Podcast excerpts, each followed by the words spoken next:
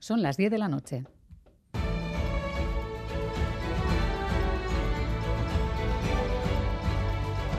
Radio Euskadi y Radio Vitoria. Servicios informativos.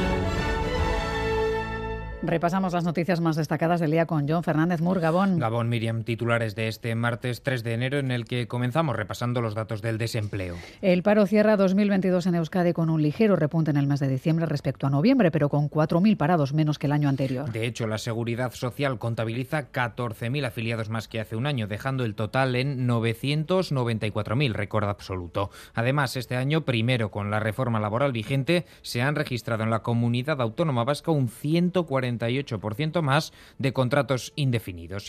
Mendía, vicelendacari. Porque no solo hay más afiliados que nunca, es que hay más personas que nunca con contratos indefinidos, gracias a la reforma laboral que ofrecen un horizonte de certeza.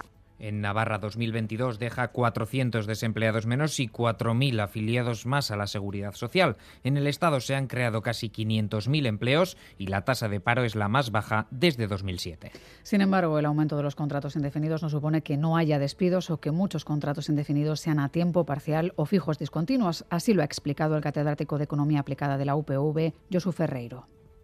Eso no quiere decir que tengan una mejor situación en términos de mayor estabilidad. Muchos de esos contratos indefinidos, fijos discontinuos, pueden ser eh, cancelados, pueden ser despedidos. El Gobierno vasco niega que Alfredo de Miguel ocupe un cargo de confianza o de libre designación. El Ejecutivo niega además que de Miguel, condenado a 13 años y pendiente de la ratificación o no de su condena por el Supremo, ostente una plaza de gerente en el marco de la Fundación ASI. Además, subrayan que no representa al Gobierno vasco en ningún foro, algo que apuntaban algunas informaciones periodísticas cuya publicación ha provocado la reacción de la oposición, que pide explicaciones. Lo hará además en el Parlamento. EH Bildu denuncia el proteccionismo que el Ejecutivo de Urcuyo está dando a De Miguel. Podemos considera que en Euskadi sigue habiendo espacios institucionales donde se coloca a amigos a dedo a pesar de condenas por corrupción y el PP vasco califica de escándalo que el PNV ofrezca puertas giratorias a malversadores. 650 delitos cometidos con arma blanca el año pasado, la mayoría robos con violencia y 1.070 infracciones por portar esas armas blancas. Es el balance de una problemática en aumento que ha hecho esta mañana el vicelendacari consejero de Seguridad, Josué Arcoreca, aquí en Boulevard estamos detectando en la actividad delictiva en Euskadi en los, últimos dos o tres años una proliferación de armas blancas. Eh, aparecen de manera absolutamente injustificada, pues una noche en una discoteca o una noche en una calle. Datos que, por cierto, en la calle no han sorprendido a los jóvenes. El número de personas que me han dicho que han sido amenazadas con navajas y armas blancas en general, pues me imaginaba que la estadística era bastante mayor. Es muy habitual que por desgracia pues hay muchas víctimas de esto. En discotecas ya sí suelen ir quitando navajas a gente que las suelen llevar. Alguna vez nos hemos tenido que ir todos porque había una pelea, habían apuñalado a alguien, pero bueno.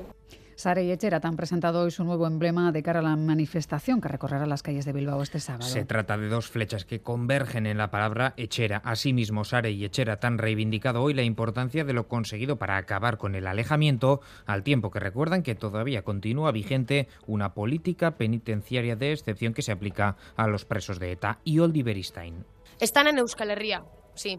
Nos hemos quitado una gran carga de encima pero aún continúa vigente la política penitenciaria de excepción.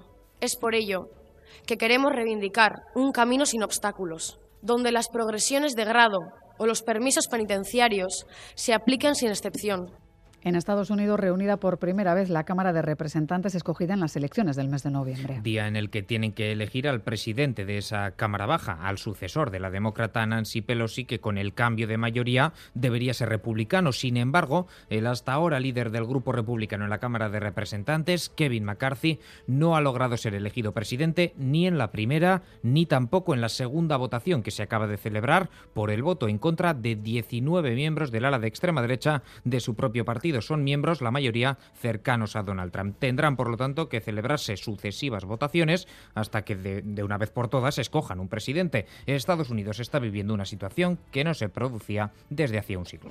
Es todo, así terminamos. Más noticias en una hora y en todo momento en itv.eu, sin aplicación ITV Albisteac.